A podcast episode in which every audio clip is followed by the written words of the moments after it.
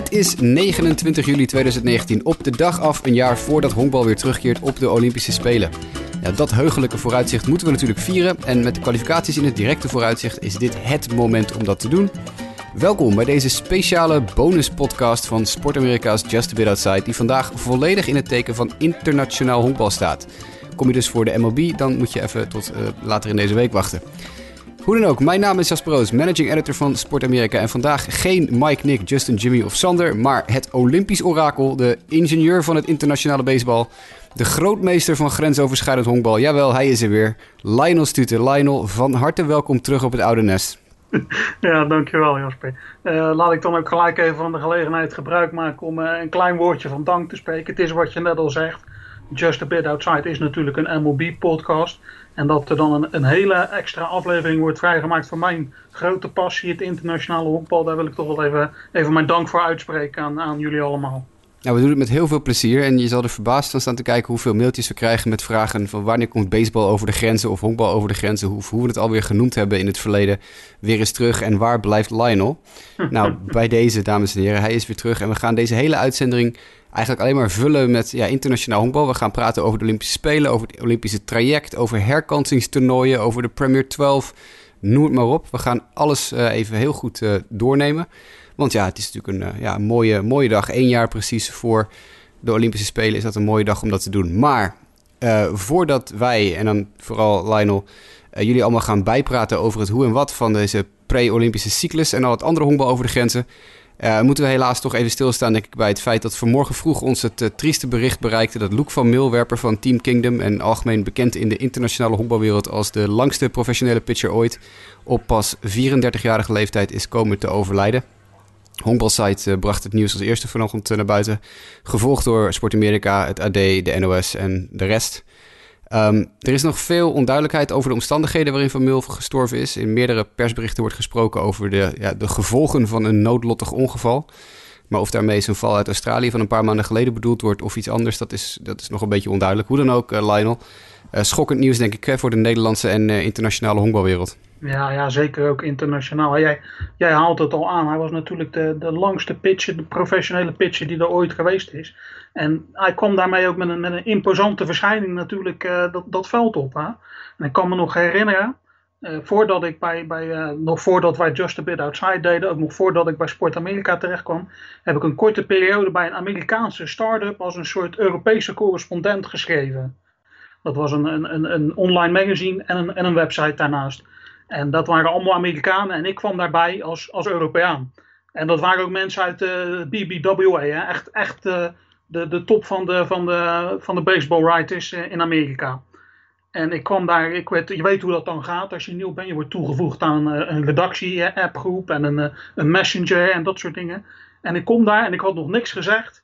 En die mannen beginnen te praten. So you're from the Netherlands. What's Luke van Mill doing these days? Is he still playing? Dat was het eerste wat ze me vroegen. Niet Bert Blyleven, niet Robert Eenhoorn, niet uh, de jongens die nu allemaal actief zijn, die toen ook al in de Major League rondliepen. Het eerste waar ze naar vroegen was, what's Luke van Mill doing these days? En nog voordat ik antwoord kon geven, begonnen die mannen een soort relaas te houden over hoe hij in Amerika waarschijnlijk verkeerd behandeld was. Op een soort moneyball-achtige manier. Van, omdat hij zo lang was en omdat geen enkel ander team zo'n soort speler had, hadden die teams die hem op dat moment hadden, als een, echt als een wapen kunnen gebruiken. En toen ging ik, voor mij ging ik pas eigenlijk echt begrijpen wat, wat Moneyball is. Door dat verhaal over Luke van Mil.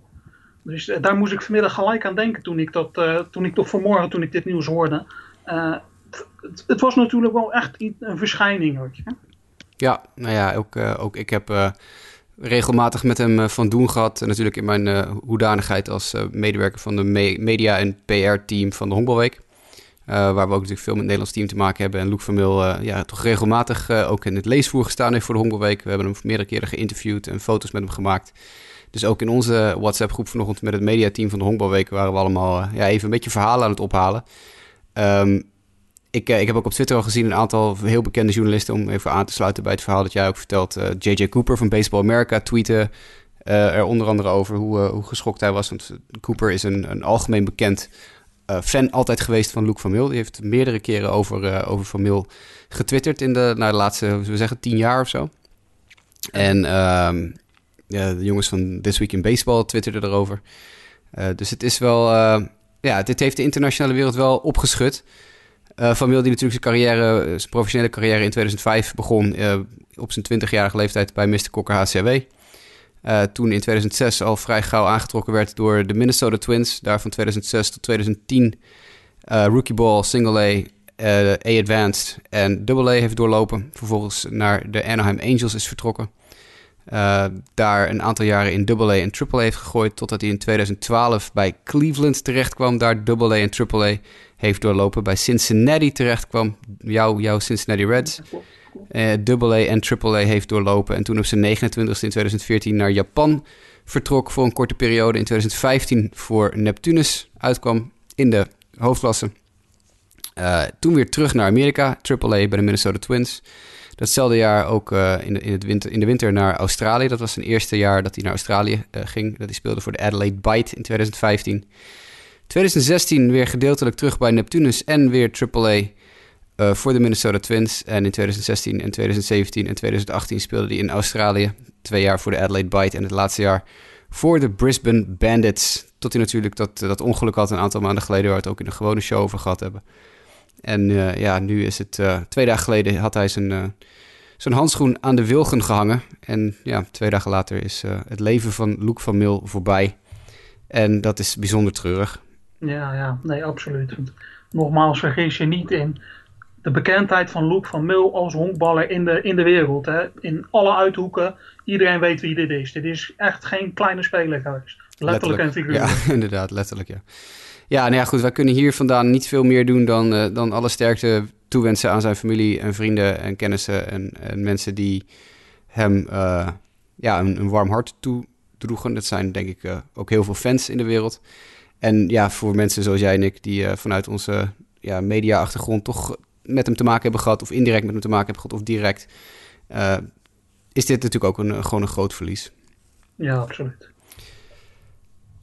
Maar goed, dan moeten we toch uh, door naar waarom we eigenlijk deze show uh, ja, wilden gaan doen. Namelijk praten over ja, leuke dingen ook. Hè, de Olympische Spelen, het feit dat er weer uh, honkbal op de Olympische Spelen komt. En nou ja, als we dan kijken naar hè, puur even de basis. het, het, toernooi, de toernooiopzet is, is weer helemaal anders deze keer. Er zijn geen acht, maar zes deelnemende landen. Maar er zijn nog 31 landen in de race voor vijf plekken. Hoe, hoe zit dat precies, uh, Lionel? Ja, absoluut. Het is wat je zegt. Er zijn uh, in het verleden. Even een klein, kleine quizvraag tussendoor. Welk land mag zich nou al de afgelopen 12 jaar de regerend Olympisch kampioen noemen? Uh, oh, daar, daar, daar, gooi, daar gooi je me eventjes. Zo lang is het dus al geleden dat honkbal op de kalender stond. Het is Zuid-Korea. Zuid-Korea, nou. ja. Cuba werd tweede en Team USA pakte het brons. Um, maar goed, dat was nog in een systeem met acht landen. De honkbal werd uh, de, afgelo- de, de, de, laatste vijf edities, dus 2008 en dan terug naar 92 of 88, een van de twee. Volgens mij 92, volgens mij 92, was Barcelona de ja, eerste. volgens mij ook. Uh, en 88 was het een, een, een testtoernooi, want dat was in Korea. Precies, juist. Maar goed, vanaf 92 dus werd het altijd met acht landen in één grote pool gespeeld. En dan een, een soort play-off ronde met een halve finale en een finale en een, een, een bronze medal match, zoals ze dat op de Olympische Spelen noemen. Een, een kleine finale. Uh, dat is nu veranderd. Er komen geen acht, maar uh, zes landen naar, naar Tokio volgend jaar. Um, de reden daarvoor kan ik wel even, even kort uitleggen. Wat het IOC, dus het, het, Olympische, het Internationale Olympisch Comité, wil is wel het aantal uh, events uitbreiden, maar niet het aantal sporters. Want ze vinden dat zowel bij de zomer als bij de winterspelen de tax voor het aantal sporters wat naar een stad gestuurd kan worden wel bereikt is. Dus dat betekent dat je moet gaan schuiven in je opzetten. En dat betekent dus bijvoorbeeld dat in het honkbal, omdat daar uh, teams met uh, een roster van 24 of 28 man komt, dat je dus niet te veel teams kan laten komen. ik had zelf liever natuurlijk gezien dat we niet van, van 8 naar 6, maar van 8 naar 12 waren. Maar ja, dat is simpelweg niet mogelijk, omdat dat logistiek haast niet meer haalbaar is. Nee, precies. En, en is dat denk je een, uh, een, is dat een negatieve ontwikkeling voor de honkbal op de Olympische Spelen voor de toekomst? Is dit eigenlijk al het IOC dat soort van de mogelijkheid inbouwt om het over een paar jaar weer gewoon te schrappen met minder teams dit jaar? dat zou kunnen, dat zou kunnen, maar uh, daar kan je wel de kanttekening bij plaatsen dat dit niet alleen in honkbal gebeurt, ook in andere sporten. Kijk naar hoe tegenwoordig, om even een, een, een zijstap te maken, naar de winterspelen, hoe uh, geschoven moet worden met schaatsers in Nederland. Omdat we maar acht schaatsers mogen uitzenden naar alle evenementen. Ik dacht dat het er acht zijn. Dus waardoor je dus moet gaan kiezen wie je wel en wie je niet gaat sturen. En zo moet je dit ook zien. Gewoon alle, alle events, atletiek, wielrennen, voetbal, uh, honkbal dus in dit geval, allemaal hebben ze hiermee te maken. Omdat uh, de Olympische Spelen gewoon nog wel nog meer events wil. Ze willen bijvoorbeeld een, uh, een, een honkbal laten terugkomen, softbal laten terugkomen. Maar dan moet dat wel op een manier kunnen dat het binnen het aantal atleten wat maximaal naar een stad kan, kan gebeuren. en dat is dus door niet acht, maar zes deelnemende landen te kiezen. Zou het een optie zijn voor honkbalteams om een kleinere selectie mee te nemen? Ja, als, als we nu in een situatie komen dat Parijs de volgende Spelen, dus in 2024, ook honkbal gaat doen. Dan krijgen we dus drie keer honkbal achter elkaar. Want Los Angeles, dat staat al vast. Ja. Tokio, dat staat al vast. En alleen Parijs proberen ze daarvan te overtuigen van, joh, hou het op die kalender. In dat geval zou het kunnen zijn, omdat je weer wat stabiliteit creëert, dat, uh, dat alle belanghebbenden gaan bepalen van kleinere rosters, meer mogelijkheden voor meer teams. Om dan toch weer bijvoorbeeld naar achteraan. Of inderdaad misschien zelfs naar 10 of naar 12. Dat zou een mogelijkheid kunnen zijn. Maar dat is, dat is echt, echt te veel speculeren. Dat, uh, dat, het kan ook zijn dat ze zeggen van nou laten we het stabiel op deze 6 houden. Op de manier hoe het nu gaat. Uh, ja, ik zei net natuurlijk uh, net al, er zijn 31 landen in de race voor die vijf plekken. dan zeg je vijf, ja, maar er doen toch zes landen mee? Ja, dat klopt. Japan is natuurlijk al geplaatst. En die hebben zelfs al een, een roster, geloof ik, bekendgemaakt, hè? Ja, dat klopt. Die uh, uh, hebben eigenlijk al gewoon gezegd van, nou, met deze spelers gaan we het doen, mits daar geen blessures in, uh, in vallen. En eh, dat gaan hem worden. En voor de rest hebben we de verdeling dan dat er nog twee, uit, twee landen, twee teams uit de Amerika's mogen komen. Eentje uit Azië, eentje uit Europa en Afrika. En dan eentje uit de herkansers, geloof ik, hè? Ja, de herkanserspool. Al die uh, voorgaande vier die jij noemde, die twee uit uh, de Amerika's, één uit Azië, één Europa, komen voort uit een kwalificatietraject. De landen die dus onderweg in dat kwalificatietraject sneuvelen, krijgen allemaal nog een soort herkansing om alsnog die spelen te halen. Daar moeten ze natuurlijk wel tussentijds ook wat voor presteren. Maar dan uiteindelijk is er dus één, nou ja, noem het een lucky loser, die alsnog via die herkansingsronde op die speler terecht kan komen. En die kan dus ook overal vandaan komen. Het kan dus zijn dat, dat we uh, drie, drie, Amerikaanse landen daar krijgen. Het kan zijn dat er een tweede Europese land bij komt. Het kan zelfs zijn dat het bijvoorbeeld Australië of Nieuw-Zeeland wordt. Dat is allemaal mogelijk. Maar Australië en Nederland kunnen zich niet plaatsen in principe, geloof ik, toch? Niet via de... Via dit toernooi? Via, wel via dit toernooi, maar niet via de Premier 12. Ah, precies. Ja, dat was het. Ja, ja dit toernooi kan wel. Uh, de Premier 12 is eigenlijk nu de basis van alles. Uh, in principe. Daar komen straks de eerste twee landen uit voort die naast Japan uh, op die spelen gaan staan. Dat zijn dus per definitie twee grote landen, want de Premier 12, het, uh, de naam zegt het al, het zijn de twaalf toplanden van de wereld die tegen elkaar strijden. En de beste twee daarvan die niet uit Japan komen, wat dus alle, iedereen is behalve Japan zou je zeggen. Ja, inderdaad uh, kunnen daarheen. Maar daar zit wel dan weer een kanttekening aan. Het moet er één uit de Amerika's zijn en één uit Azië. Uh, en het kunnen dus ook per definitie niet Australië en Nederland zijn. Want ja, die komen niet uit die zones. Nee, precies. Dus dat, uh, ja, dat houdt dan eigenlijk al meteen voor Nederland weer op. De, de, interesse die wij misschien met dat toernooi zullen hebben. Maar laten we daar gelijk even kijken naar de, de Premier 12. De Premier 12 die uh, in november plaats gaat vinden. Hè, twee plekken zei je al te verdienen. Eentje voor Noord- en Zuid-Amerika, eentje voor Azië. Ja. Uh, en de landen die zich dan niet plaatsen, uh, dat zijn er dus nog negen. Hè? Want 12 min Japan min die twee van de Premier 12. Die gaan de herkansingen. Die gaan via, die moeten naar andere routes. Um, stel nou dat bijvoorbeeld de afgelopen finale was van de Premier 12 in 2015 was Zuid-Korea tegen de Verenigde Staten. Nou, in principe zouden die twee landen dan dus ook nu, als dat nu de finale zou zijn, zouden die naar uh, de Spelen gaan. Die landen die overblijven, dus dat is dan één Aziatisch land, zes landen uit Noord- en Zuid-Amerika en Australië en Nederland, gaan naar een continentaal plaatsingstoernooi. Juist. In de eerste, in de eerste aanleg. Juist. Heb je, hebben we nu al zicht op welke deelnemers uh, dat dan zijn die zich nog wel kunnen plaatsen via die herkansing? Ja, in principe zijn dat, er zijn dat er nog flink wat. Dat is, per, per continent is dat verschillend. Dus het, het, lijkt me goed om die continenten een beetje stap voor stap langs te lopen. Dat lijkt me goed, ja. Ehm, als we bijvoorbeeld kijken naar, laten we beginnen bij natuurlijk de kansen voor Nederland. Lijkt me logisch dat we daar ja. natuurlijk het meest in geïnteresseerd zijn. Uh, Nederland kan zich dus niet via die Premier 12 plaatsen. Dat is vrij logisch in mijn ogen. Want uh, dat zou betekenen dat Nederland nu al zeker zou zijn van de Spelen. Omdat er geen concurrentie is uit Europa. En ook niet uit Afrika. Het, uh, het continent waarmee wij in de honkbalwereld verbonden zijn. Dus, en dat is eigenlijk hetzelfde wat ook geldt voor Australië. Omdat zij geen concurrentie binnen die Premier 12 hebben. Zouden zij dus eigenlijk zonder iets te hoeven doen. Zouden zij zo naar de Spelen mogen. Juist, geen, geen continentale concurrentie eigenlijk.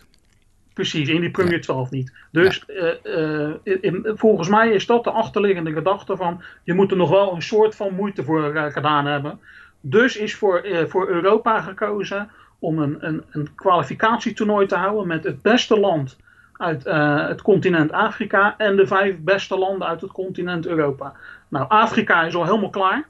Dat, daar hebben 15 landen aan een soort voortraject deelgenomen. Waaronder alle landen die ik uh, in eerdere pots al eens bevierrookt heb. Uh, voor de vaste luisteraars, die, uh, die kunnen vast nog wel mijn enthousiasme over Oeganda herinneren. ja, ja. Zimbabwe, Burkina Faso, Kenia. Al die landen hebben zich nu op dat honkbal gestort. En die hebben geprobeerd zich in dat Olympisch traject naar voren te werken. Nou, Oeganda deed het het best. Die uh, kwamen tot de finale waarin ze Zuid-Afrika tegenkwamen. Zuid-Afrika natuurlijk de grootmacht van Afrika als het op uh, honkbal aankomt. De finale was nog uh, best spannend moet ik zeggen. Het was 25-0. dus ja, nee, eerlijk is eerlijk. de landen zijn op de goede weg op hun manier. Alleen ja, 2020 komt nog iets te vroeg voor om iets te betekenen op honkbalgebied, zullen we maar zeggen. Dus Zuid-Afrika gaat naar dat kwalificatietoernooi voor Europa en Afrika. Nou, wie komen daar dan bij? Vijf landen uit Europa. Dat zijn uh, de bovenste vijf van het komende EK. Dat komende EK is over twee weken, drie weken. Ietsje ja, zoiets, ja. Ja, nou uh, ja, een aantal daarvan kan je misschien al uittekenen. Uh, Nederland, Italië. Fingers crossed inderdaad, Nederland ja, erbij. Misschien, hè. Ik, ik slag om de arm. Nederland, Italië, Spanje, Duitsland, Tsjechië, Tsjechië Frankrijk. Ja. Daar ergens Even tussendoor, denk je dat eh, nu de London Series, net is even een vraag tussendoor, maar nu de London Series net geweest zijn en natuurlijk het Britse honkbal weer wat meer in de aandacht staat, heeft Engeland een kans om daarbij te komen dit jaar of niet? Nee, ik denk dat Engel Engeland moet, uh, uh, dat is wel een goed punt wat je daar zegt. Ehm, Engeland uh, staat echt op, het, op een, een, een, een kantelmoment in, in, in hun honkbalgeschiedenis. door die London Series. Alleen die Olympische Spelen komen misschien nog te vroeg. Maar die uh, World Baseball Classic, waarvan uh, onze commissioner uh, Rob Manfred in Londen heeft gezegd, die komt er in 2021, kan wel eens een heel ander verhaal worden. Yes. Maar ik denk dat die, die, die, die, die, die spelen, dat die kwalificatie, aangezien dat nu al op deze korte termijn is, ik weet niet waar ze nu ineens een, een kwaliteitsinjectie qua spelers vandaan zouden moeten halen. Nee, precies, inderdaad. Ja. En daarover gesproken, het buurland Ierland heeft dat natuurlijk wel geprobeerd. Ja, jij was al een fan altijd van Ierland, geloof ik. Ik was de laatste tijd uh, bijzonder enthousiast over de prestaties van Ierland. Alleen het is, uh, het is niet gelukt. Het is uh, in de ene laatste ook. de, World, de, de, de internationale honkbalbond is natuurlijk enorm toernooigericht. Dus ook om dat EK te bereiken moeten de kleine landen toernooi na toernooi na toernooi spelen. Om uiteindelijk eens een keer op dat EK bij Nederland en Italië en de, de eerder genoemde landen terecht te komen. Nou, daar was Ierland hard naartoe op weg. Maar in de voorlaatste qualifier is het helaas misgegaan. Weet je wie er wel bij zijn? Nee. Israël. Israël. Israël heeft natuurlijk uh, hoge ogen gegooid op die, uh, die World Baseball Classic van 2017. Ja, met hun, hun toen geloof ik 20 Amerikanen met een Israëlische oma of zo. 27 van de 28 waren het. Ja, precies. Ja, Juist. En nou, ze doen het nu iets rustiger aan, ook met iets andere spelers. De types uh, Jason Marquis en zo zijn verdwenen. Maar er zijn nog wel tien Amerikanen die een paspoort hebben gekregen een goede drie maanden geleden. Uh, daaronder zitten uh, ja, jongens uit independent leagues, jongens die een verleden hebben in de minor league, maar nooit de, de MLB-teams hebben gehaald. Ik, ik, zag de naam Zack Weiss ertussen staan. die komt bij jou Reds vandaan, toch? Juist, ja. Dat is een van, de, een van de weinige echt bekende, voor mij dan in ieder geval. Ik weet niet hoe dat verder bij de, bij de volgers is. Maar dat is wel iemand die in ieder geval nog die Major League heeft weten te halen. En er zit er nog eentje tussen waarvan me even ontschoten is wie dat nou ook, ook alweer was. Maar goed, met die team, naast jongens waar ze in het verleden al mee speelden, toen ze nog gewoon met een echt, nou ja, echt Israëlisch team speelden. En dat gaat vrij goed. Zo goed zelfs dat ze de, de, de, de qualifiers doorlopen hebben. En dat zij nu op dat uh, EK terecht zijn gekomen. Het is een beetje een soort uh, Eurovisie-reglement dat Israël mee mag doen aan het Europees, Europa-toernooi. Of is dat, uh... Ja, nou ja, weet je, het is voor Israël natuurlijk lastig om ze in dat, in dat West-Azië rond te sturen langs landen, Syrië, ja. Irak en Iran. Dus ja, die, die worden in, in, in, in entertainment en in sport wordt Israël altijd op het, op het Europese vasteland neergezet. Van, uh, nou ja, zoek het hier dan maar uit. Hier, hier kan je dat veilig doen. Ja, maar dat is op zich ook wel misschien een beetje begrijpelijk. Qua niveau ook denk ik wel. Want ik, denk, ik weet niet wat het honkbalniveau in Irak en Iran op dit moment is. Ik, weet niet, ik denk dat Israël daar wel iets bovenuit steekt. Is, Israël zou die landen wel kunnen pakken. Maar als Israël tegen hun zou moeten spelen, zouden ze ook verder het Aziatische traject in moeten. En dan zouden ze ook op enig moment Japan, en Zuid-Korea en Taiwan tegenkomen. Dus, ja. ja dat, is, dat is al beduidend lastiger, ja. Dat bedoel ik. Maar ze zitten dus uh, in het Europese traject. Nou, dat gaat ze tot op heden vrij goed af. En ik zeg je, ik zeg niet dat zij die spelen halen, maar ik zeg wel dat zij met het team zoals het nu is, in staat moeten zijn om bij die bovenste vijf te komen. En naar die laatste Europees-Afrikaanse qualifier te gaan. En dat betekent dus dat een van de door ons net genoemde landen, uh, Frankrijk, Spanje, Tsjechië, laten we hopen niet Nederland, maar één van die landen gaat het dus niet redden.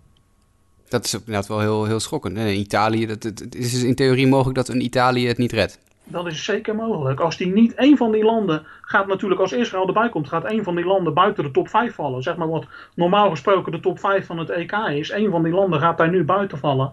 Omdat Israël zich daarin gaat mengen. Ik, ik denk dat zij daar wel toe in staan moeten zijn met het team dat ze nu hebben. Ja, met tien Amerikanen moet dat zeker inderdaad niet onmogelijk zijn. Dat bedoel dus ik. De missie voor Nederland is eigenlijk gewoon heel simpel. Europees kampioen worden, zodat je dan dus tegen Zuid-Afrika mag. Met als doel je te plaatsen voor de Spelen. Nou ja, het is nog ietsje simpeler zelfs. Het is bij die bovenste vijf komen. Zodat je met die vijf en Zuid-Afrika een, een toernooi van zes gaat vormen. En dat toernooi moet je winnen. Juist, oké. Dus het is nog veel simpeler inderdaad dan ik dacht. Ja. Uh, er is nog een, een, hoop dan voor ook een, een nummer twee, geloof ik ergens. Hè? Ja. Die hebben nog een herkansingsroute. We gaan er dan voor het gemak even vanuit. Stel dat Nederland dat toernooi wint. Dat doen ze dan door in finale één van die andere landen te verslaan. En die verliezend finalist gaat dan naar dat beroemde herkansingstoernooi waar we het uh, al eerder over hadden. Uh, en krijgt daar nog een nieuwe kans om zich alsnog te plaatsen. Dat kan dus Zuid-Afrika zijn, maar ook een van de vier andere Europese landen die overblijven. Oké, dus we moeten het eigenlijk zo zien. De Europees kampioen, uh, de, de, top 5 van het, van het Europees kampioenschap gaat in een nieuwe, nieuwe toernooi voor met Zuid-Afrika. Ja. En van die zes de winnaar gaat rechtstreeks en de verliezend finalist gaat naar de herkansing. Gaat naar de herkansing, exact. Dus dan hebben, we het, dan hebben we het over twee toernooien. Er zitten dus nog twee toernooien tussen. Dus de EK, het EK zit er nog tussen en dan krijg je nog die, ja, die EK qualifier toernooi. En, dan dat kwalificatietoernooi. De winnaar van het kwalificatietoernooi mag naar de Spelen. En voor de verliezend finalist is er dan nog een derde toernooi. Dat herkansingstoernooi. Juist, het is mij helemaal duidelijk. Dus er is niet heel veel druk nog op het EK. EK is een kwestie van uh, één team achter je houden voor iedereen. Min of meer, ja. Ja, oké. Nou ja, goed. Uh, dat is dan de Europese, de Europese Afrikaanse route. Uh, in de Amerika's hebben we geloof ik een vergelijkbaar iets. Hè? De, dus de, de, het beste team van de, van de Premier 12, dat is naar alle waarschijnlijkheid wel Team USA, denk ik. Die kans is vrij groot, want de Premier 12 is natuurlijk een MLB-toernooi. Dat is ook gewoon uh, dus een toernooi waar uh, in ieder geval minor league jongens of jongens die niet op het roster staan uh, een kans zullen gaan krijgen. Dus Team USA. En gezien ook de, de internationale inspanningen van Rob Manfred zal, ik wel, zal het wel zo zijn dat zij daarop hameren van jongens we moeten wel naar die spelen.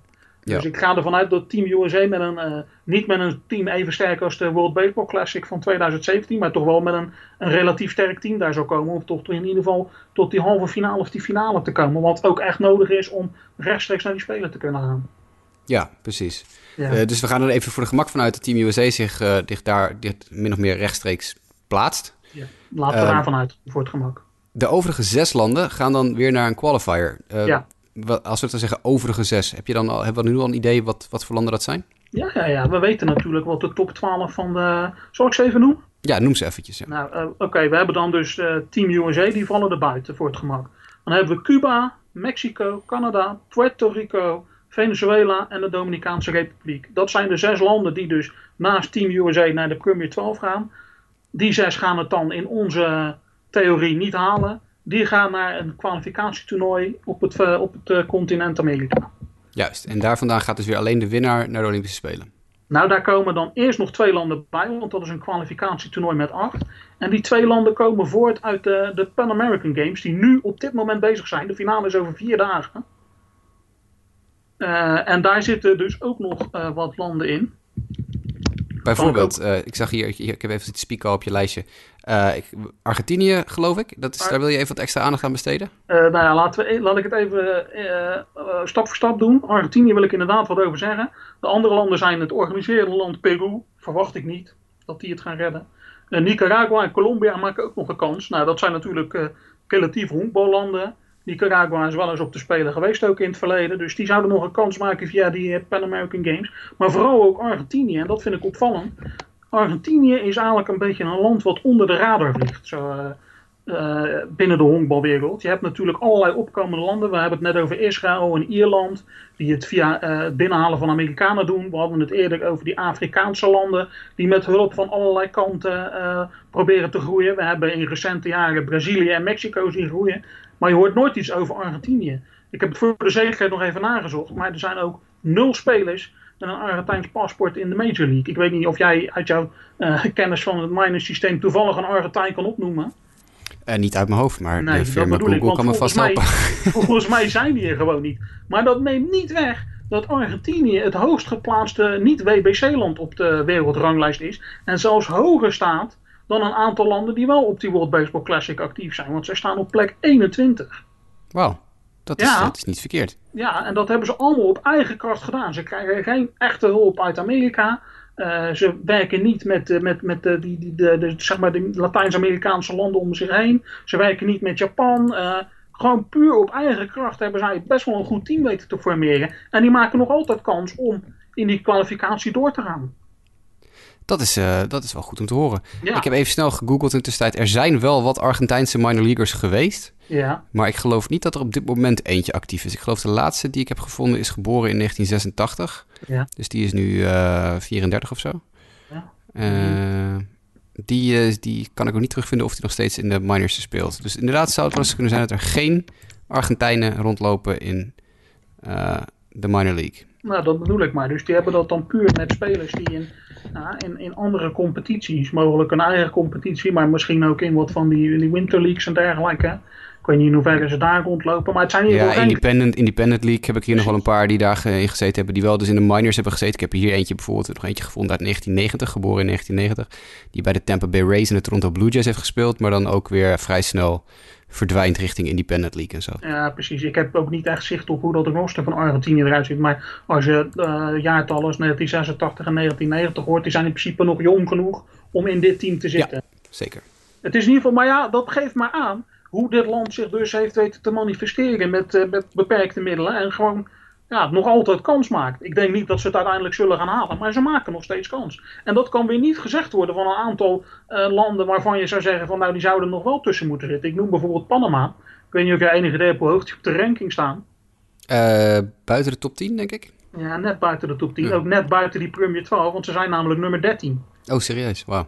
Ja, dus, en Brazilië, nummer 17 ook geen kans meer. Want die zitten dus niet in die Premier 12 en ook niet meer in die Pan-Amerikaanse Spelen. Nee, dus nee. Panama en Brazilië, uh, Panama toch, vind ik toch wel een honkballand. Ja, hey, Mariano Rivera, de beroemdste Panamees, denk ja. ik. Dus, nou, ja, Brazilië toch wel het land wat, uh, wat het meest op steun uit, uit de Major League kan rekenen de laatste paar jaar. Jan Gomes, niet te vergeten, dat de beroemdste dat... Braziliaanse honkballer. Ja, ja, nou ja, en die is nog maar van vrij recent. Dus dat geeft aan hoe dat... Hè, en je ziet ook jaar na jaar als die internationale signings eraan komen, zitten er altijd wel weer één of twee Brazilianen tussen de laatste jaren. Maar dat, dat land zit echt in de lift. Maar die gaan dus niet, uh, sowieso niet naar die spelen. Nee, Aruba ook niet, hè, geloof ik. Nee, Aruba ook niet. Aruba had ook via deze route kunnen gaan. Is uh, om wat voor reden dan ook niet gelukt. Uh, maken geen kans meer. Jammer.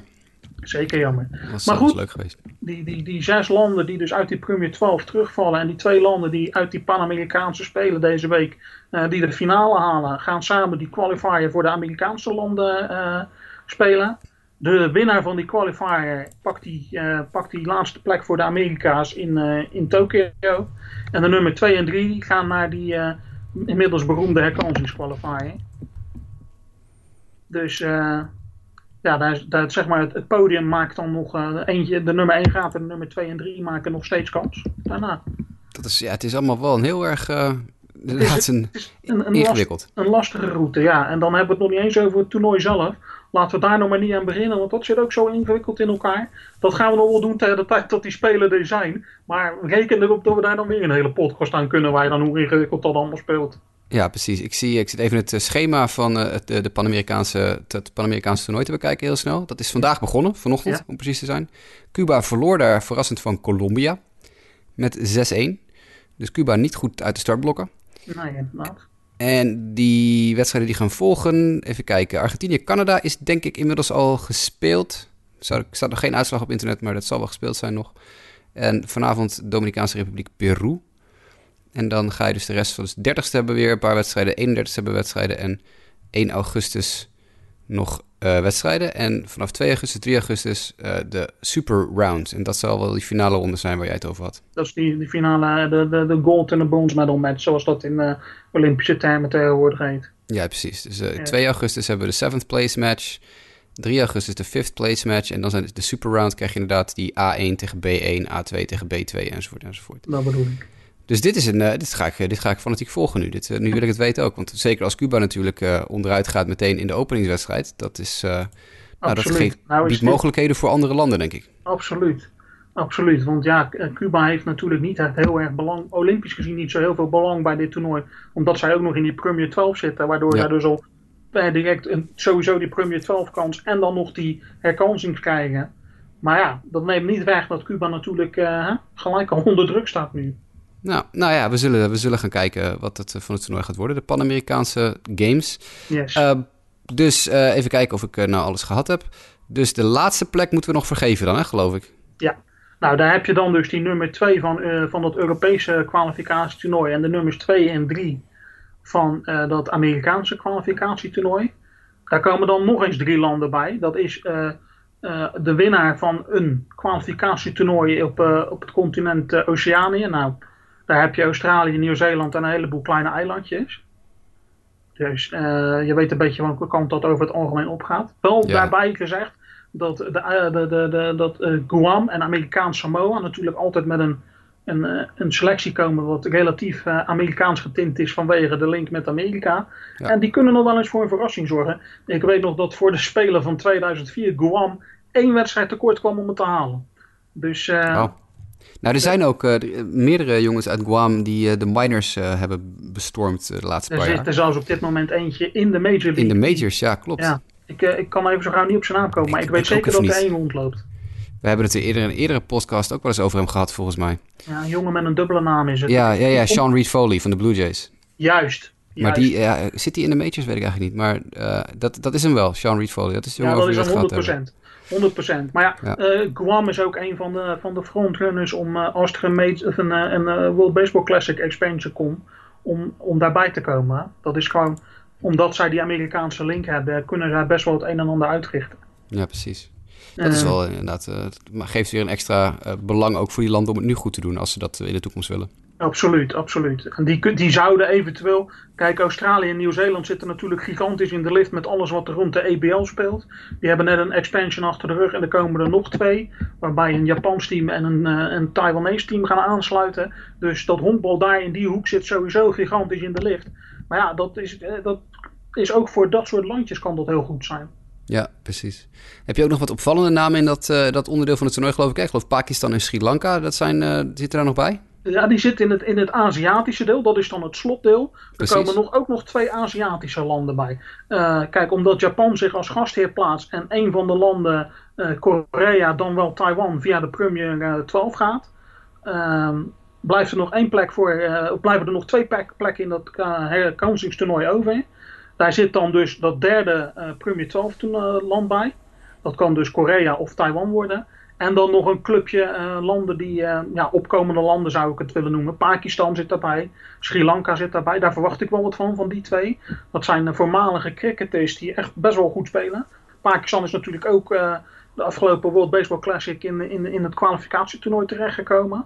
Deed het daar nog best aardig.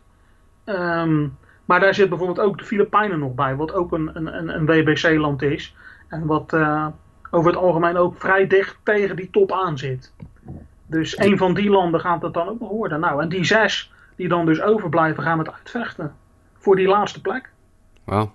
En daar zitten natuurlijk ook nog wat uh, toplanden als Korea en Taiwan en zo tussen. Dus dat, uh... kunnen, kunnen, daar, kunnen daarbij zitten. We kunnen voor de grap wel eens een, een beetje speculeren op hoe zo'n qualifier eruit kan zien. Want ja, laten we dat, eens doen. Dat, dat, is al bijna een Olympisch toernooi op zich. Als je bedenkt wat daar kan komen. Ik kan je bijvoorbeeld uh, het, het, het, de qualifier van 2008, zal ik eens wat landen noemen die daarin ja. zaten. 2008 hebben we het erover, ja. ja. 2008, de laatste keer dat er spelen was. Ja, precies. dat was voor, voor Peking. Uh, Mexico deed daaraan mee. Canada deed daaraan mee. Zuid-Korea, Taiwan, Australië, Duitsland, Spanje en Zuid-Afrika. Zo. Ja, dat is dan, inderdaad een stevig toernooi. Maar dat kan dit jaar ook. Ik, ik kan wel gewoon voor de grappen zes landen noemen die in dat toernooi terecht zouden kunnen komen. Uh, Taiwan, Filipijnen, Cuba, Venezuela, Australië en Italië. Ja, dat is wel denk ik het meest zware toernooi wat je, waar je uit kan komen, denk ik. Ongeveer. Zuid-Korea, uh, Pakistan, uh, Dominicaanse Republiek, Italië en Nederland. Tjemig, ja. Zou allemaal kunnen. Zou allemaal kunnen. Je krijgt daar gewoon een toernooi wat bijna een Olympisch toernooi op zich is. En een van die landen pakt dus die laatste plek en dan gaat het Olympisch toernooi pas beginnen. Wanneer is dat, dat herkansingsqualifiers toernooi? Oeh, um, even kijken, dat kan ik wel even. Want dat wil ik even in mijn agenda zetten namelijk, want dat vind ik wel even leuk om te nou, kijken. Denk maart of april 2020.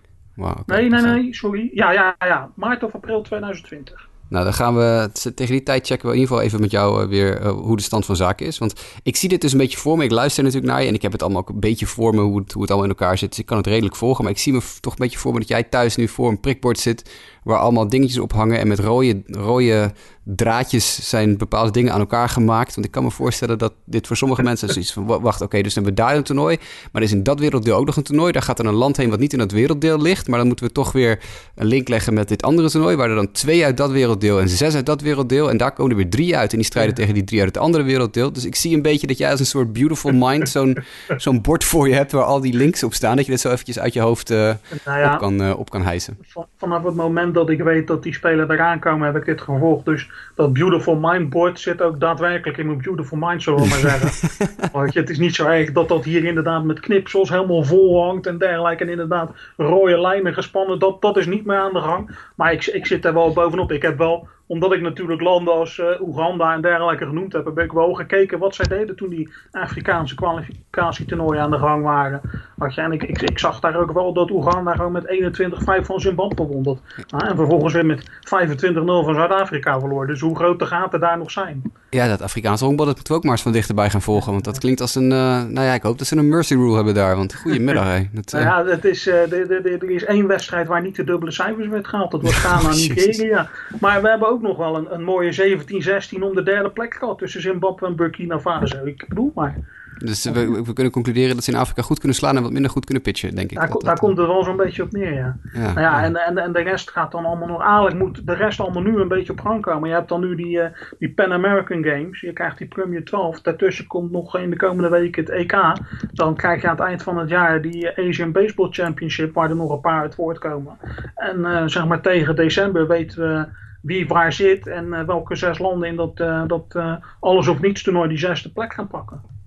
Ik moet zeggen dat ik nu, nu we het even over het Pan-Amerikaanse toernooi hebben gehad, dat ik wel even ga kijken of daar streampjes van te vinden zijn. Ja, die worden gestreamd, die wedstrijden, door de WBSC zelf op YouTube. Zo te zien. Even kijken. Nee, dat, zijn de, dat is een ander toernooi. De WBSC streamt wel veel tegenwoordig, maar die nog net niet. Dus dat, ik ga even zoeken of ze of dat ergens te vinden is. Dat wil ik nou wel zien. Als ik ja, ik, eh, ik, ik, ben toch ook wel benieuwd. Hè? Er zijn uh, wat landen die sterk voor de dag komen, zoals Colombia en, en Cuba. Maar ja, ik, ik, nu ik weet dus dat Argentinië, dat is echt een beetje mijn nieuwe knuffelland aan het worden. Ik wil wel zien of zij nog een kans maken. Nou, ik ga ze nu ook adopteren, denk ik hoor. Want dit, is, dit is wel wat. Um, ik geloof dat er wel wat sites zijn nog die verwijzen naar streams. Dat mag ik natuurlijk niet hardop zeggen in deze, in deze podcast. Nee, nee, maar uh, als mensen dat willen vinden, is dat te vinden, lijkt het, lijkt het uh, lijkt, lijkt zo zie. Dus uh, um, leuk, leuk. Eigenlijk, ik denk dat we zo'n beetje alle landen... Oh ja, één land hebben we nog niet genoemd. Wel nog even belangrijk voor de volledigheid. Laten we dat dan nu even het 31ste land noemen. Hongkong is ook nog in de race. Oh, nou, hebben die een kans? Nou ja, Hongkong die halen nog wel eens hier en daar wat jongens vandaan die uh, over de wereld zijn uitgezworven.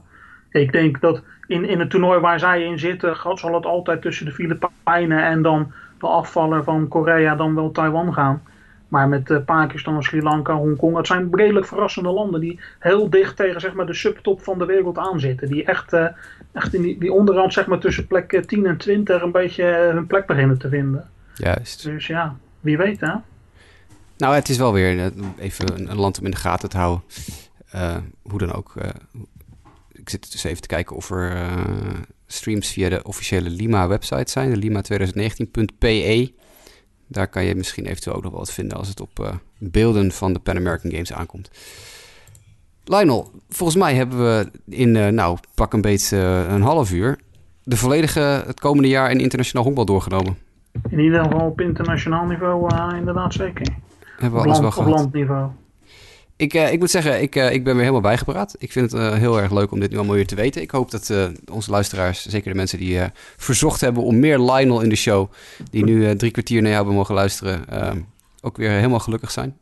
Ja, ik, ik, ik hoop dat het een beetje duidelijker wordt. Het is, Kijk, om de een of andere reden is de, de de, de Internationale Honkbalbond, is zo extreem toernooigericht. En je gaat van hier naar daar en dan denk je dat je er bent, dan moet je nog een toernooi spelen. En dan heb je, als je verliest, heb je nog een kans in een volgend toernooi. En dan uiteindelijk komt er eens een keer een eindtoernooi en dan begint het hele verhaal weer opnieuw.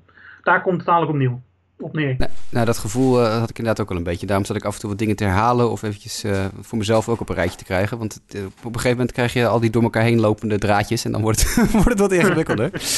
maar ja. we zijn eruit. Ja, ik, ik, snap het, ik snap het ergens ook wel wat ik je zeg. Kijk, het makkelijkste zou er zijn als je zegt we spelen die Premier 12 en de vijf beste naast Japan gaan erheen. Maar ja, daarmee, je moet ook de andere, hè, dat blijft de Olympische gedachte. Iedereen moet natuurlijk wel enigszins een kans maken. Je moet ook andere landen een kans geven om het te halen. Dat gaat waarschijnlijk niet gebeuren, maar je moet ze in ieder geval die kans bieden. Nou, dat is in het kader van de Olympische gedachte denk ik ook wel, uh, wel zo eerlijk in dit geval natuurlijk. Absoluut. Um, laatste opmerking. Uh, gaan we er, kunnen we ervan uitgaan dat Nederland zich plaatst voor de Olympische Spelen? Of is dat echt nog te veel toernooien down the road en moeten we echt, uh, ja, echt nou, ja. gewoon van toernooi tot toernooi leven als fans van Team Kingdom? Laat ik het zo zeggen, uh, Team Kingdom heeft dit volledig in eigen hand. Uh, het is geen geheim dat zij in Europa, natuurlijk, ze hebben uh, in 2016 het EK gewonnen. Het is, het is geen geheim dat zij in Europa in principe iedereen aan moeten kunnen. Ook onze voormalige rivaal Italië, die toch wat teruggezakt zijn op, op continentaal niveau. Uh, dan heb je uitdagingen zoals Spanje en Duitsland, die komen wel dichterbij, maar ook weer niet zo dichtbij. Die moeten in principe van ons af kunnen houden. En dat geldt hetzelfde voor Zuid-Afrika. Als wij gewoon doen wat we normaal gesproken doen, moeten wij ze van ons af kunnen houden. Het enige waar ik echt een, een beetje vrees voor heb, en dat komt puur doordat je niet weet wat je gaat krijgen, is Israël. Ja. Dat is de enige. ik denk dat we die ook gewoon moeten kunnen hebben. Met die, ook al hebben zij die tien Amerikanen, dat wij dan nog steeds een beter team hebben. Maar je, je weet het niet precies. Nee, en Nederland heeft in het verleden wel eens vaker van die kleine uitglijertjes op toernooien gehad, op EK's en zo. Dat, nou ja, kunnen we ik, nu uh, even niet meer hebben. Dat bedoel ik. En ik neem aan dat ze nu zo scherp zullen zijn dat dat in dit geval niet kan. Maar uh, ik, ik, kan in herinnering roepen, dit weet jij ook nog wel, hoe Griekenland het deed uh, ja. rond 2004. Ja, nee, ja die, hebben, die hebben destijds datzelfde systeem gebruikt. Die haalden ook allerlei jongens uit Amerika en uh, konden daar toch iedereen behoorlijk lastig mee maken. En hebben daar toch tot zeker tot 2010, 2011 profijt van gehad. Ja, nee, dat is uh, zeker waar. Dus dat is ja. inderdaad waarom Israël misschien wel een beetje een lijpe outsider is. Ja, en Israël is voorlopig nog niet klaar. Hè? Israël gaat ook voor de toekomst. Dat is, dat is wel echt iets om in de gaten te houden. Israël wordt in de toekomst alleen maar nog sterker. Zij worden heel erg gesteund vanuit Amerika. Uh, onlangs, je noemde hem net al, Mariano Rivera houdt dan ineens een toespraak over de ontwikkeling van het honkbal in Israël. Geen idee ja, waarom, maar hij is moest hij, moest hij een paar maanden later moest hij dat in Londen ook doen. Want hij was tijdens de Londen Series was hij ook in Londen als ambassadeur. Dus hij is een ja, beetje een soort uithangbord aan het worden. Nou, daar in Londen komt dan ook nog Rob Manfred, die volgens mij als commissioner van de MLB niet altijd goede zaken doet, maar als voorvechter van het internationale honkbal echt gigantisch veel doet. Die dan zegt van sowieso komen die volgende, komt die volgende World Baseball Classic en ik garandeer je dat er een Europese locatie komt. Nou, die Europese locatie zullen veel mensen misschien denken is Londen, maar dat denk ik niet. Mede door wat ik net al zei, dat ik denk dat Engeland niet sterk genoeg is om dat hoofdtoernooi te halen. Dat dat nog te, te dichtbij is. Dus dan is Europa in ruime zin, kan ook Jeruzalem of Tel Aviv zijn. heeft Nederland daar een kans voor? ja, we hebben hier een mooie faciliteit op Hoofddorp. Ja. Ik zou zeggen van, ik zou er in ieder geval van voor, voor, voor, proberen te gaan. Maar gezien die liefde die vanuit Amerika voor Israël er is en die, die link, die, ook commercieel belang is ook altijd uh, natuurlijk aanwezig. Hè? Met nog meer Amerikanen, want dan komen wel weer de types Jason Marquis. Uh, jongens uit, uh, met, een, met, een, met een Israëlische achtergrond of met een Joodse achtergrond die voor Israël mogen uitkomen, komen dan ook weer tevoorschijn. En ja, er, is gewoon een kans dat Israël gewoon nog verder omhoog gestuurd wordt. Ja, ja je, je kan natuurlijk, wat de London Series ons wel bewezen heeft ook, is dat er in principe in ieder land in Europa zo'n toernooi georganiseerd kan worden. Want ze kunnen gewoon in, een, in drie dagen of in een week bouwen ze zo'n heel voetbalstadion om tot een honkbalstadion. Dat dus, bedoel ik. Bij wijze van spreken grijp je de arena of de kuip een stadion voor minimaal 50.000 man waar je dat zou kunnen doen inderdaad. Precies, ja. Je pakt, je pakt de arena, je pakt de Kuip, je pakt de Gelredome, noem maar even wat. Dat, uh, nou, absoluut, nee, nee. Ja, nou, en dat, dat kan daar ook. Dat kan daar ook. En ja. uh, ik, ik, ik zou daar niet gek van opkijken als uh, wanneer er... want Rob Manfred zei in, tijdens die, die London series ook van we willen vaker naar Europa komen en niet alleen maar naar Engeland. Nee, duidelijk. Ja, dat, dat, dus, dat, dat, hopen wij natuurlijk allemaal. Daar, nee, maar daarom. Wat je. En ja, dus, en wat ik zeg, het zit daar echt in de lift. En uh, ze zijn voorlopig nog niet klaar. Dus uh, ja, ik, ik, ik vind dat echt een outsider. Van alle landen, zeg maar, buiten die, die top 12, vind ik dit echt de grootste outsider. Dat is wel bewezen nu. We gaan het zien. Nu eerst de, de Pan America Games, dan het EK en dan alle andere kwalificatietoernooien waar we het over gehad hebben. De herkansingstoernooien en Zuid-Afrikaanse invloeden en noem maar op. We gaan het meemaken. Lionel, ontzettend bedankt dat je even tijd had om ons bij te praten over deze cyclus. Het komende jaar in internationaal honkbal. Ja, geen probleem. Uh, zoals altijd, de uitnodiging staat. Je hebt een, je hebt een stoel aan deze tafel. En uh, wanneer je tijd en zin hebt om erover te komen praten, ben je altijd van harte welkom. Nee, absoluut, absoluut. Ik uh, en, uh, binnenkort weer van mij horen. Dat lijkt me heel mooi. Nou ja, we kunnen natuurlijk nu met al die toernooien kunnen we eens in de zoveel tijd een toernooi aangrijpen en weer even bij, de mensen bijpraten wat de stand van zaken is. Zeker nu we een beetje uitgelegd hebben hoe, hoe of wat, dan kunnen mensen daar ook over, ja, over meedenken en meeleven, denk ik. Absoluut. Super. Hey, hartstikke bedankt man. Wij spreken elkaar weer. Yes. Luisteraars, ontzettend bedankt voor het luisteren naar deze bonusaflevering van Just a Bit Outside. In de loop van deze week zijn we er hopelijk weer met een normale trade deadline show. Uh, want het is natuurlijk de trade deadline in de Major League op woensdag. Dan praten we jullie bij over alle moves die gemaakt zijn. Zoals bijvoorbeeld de Marcus Stroman trade van afgelopen nacht. Die nu een New York Met is. We zullen zien of dit dat woensdag ook nog steeds is. Wil je mailen met deze show over wat dan ook, internationaal honkbal, Major League honkbal, mag allemaal. Mail dat dan naar justabitpodcast.gmail.com of twitter het naar @jwkf, @mdijk90, @jasperoos, @inikd, @jimmy @sportamerika of facebook.com slash sportamerika. Volgens mij waren dat ze allemaal. Lionel, tot de volgende keer. Luisteraars ook graag tot binnenkort.